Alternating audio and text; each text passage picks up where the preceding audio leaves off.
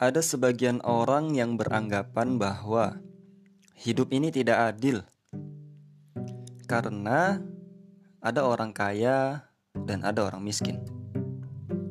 Kenapa Allah tidak menciptakan semua orang dalam keadaan kaya? Kenapa Allah tidak menciptakan semua orang dalam keadaan bahagia? Kenapa harus ada kemiskinan? Kenapa harus ada kesedihan?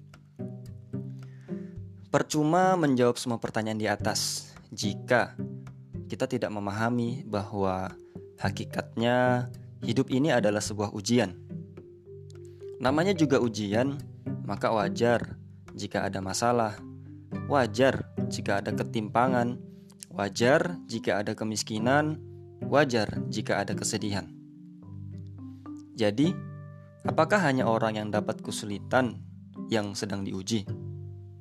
Bagaimana dengan mereka, orang-orang kaya yang hidupnya selalu mudah dan terlihat bahagia? Bro, ujian itu sebenarnya nggak selalu berupa kesulitan aja loh.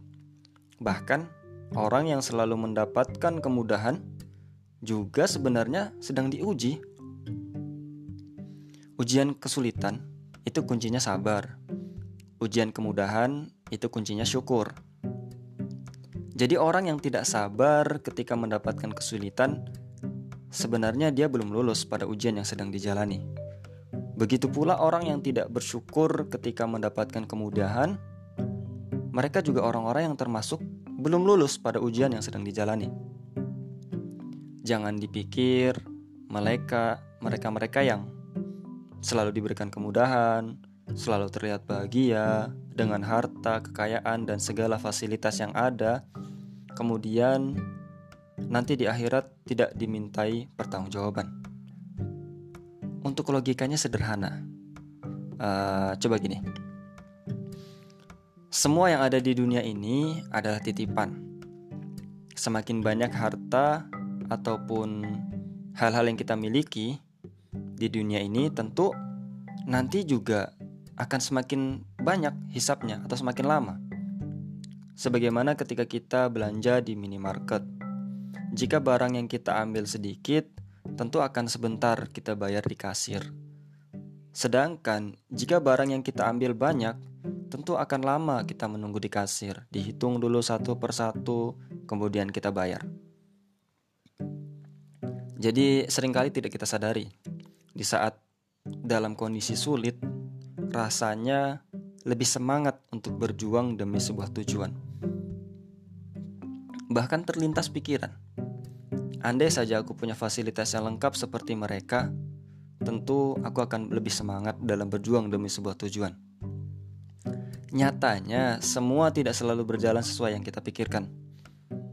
Sebagian besar orang yang dulunya semangat berjuang di tengah keterbatasan Justru ketika sudah memiliki fasilitas yang lengkap, malah terlena untuk menikmati fasilitas yang ada, demi hal yang sifatnya cenderung sia-sia. Hingga akhirnya sering lupa pada tujuan awalnya dan lupa juga bersyukur atas segala kemudahan yang ada.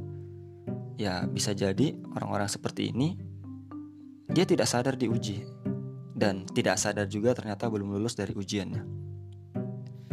Jadi, untuk kita-kita yang mungkin saat ini sedang diuji, sedang memiliki banyak keterbatasan, hmm, tidak memiliki banyak fasilitas, anggap saja semangat yang kita miliki saat ini adalah harta yang lebih besar daripada fasilitas yang mereka punya. Karena ketika sudah punya fasilitas, belum tentu kita bisa merasakan semangat yang sama sebagaimana di saat kita dalam keadaan serba terbatas. Nah, godaan untuk menikmati hal yang sia-sia itu tidak semudah yang kita pikirkan untuk kita hiraukan.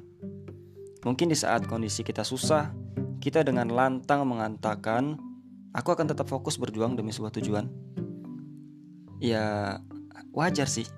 Itu karena godaan untuk menikmati hal yang sia-sia belum menyerang. Namun ketika semuanya sudah mudah karena lengkapnya fasilitas, Godaan itu mulai muncul dari segala sisi. Bahkan sering kali godaan itu mulai datang lebih dari satu.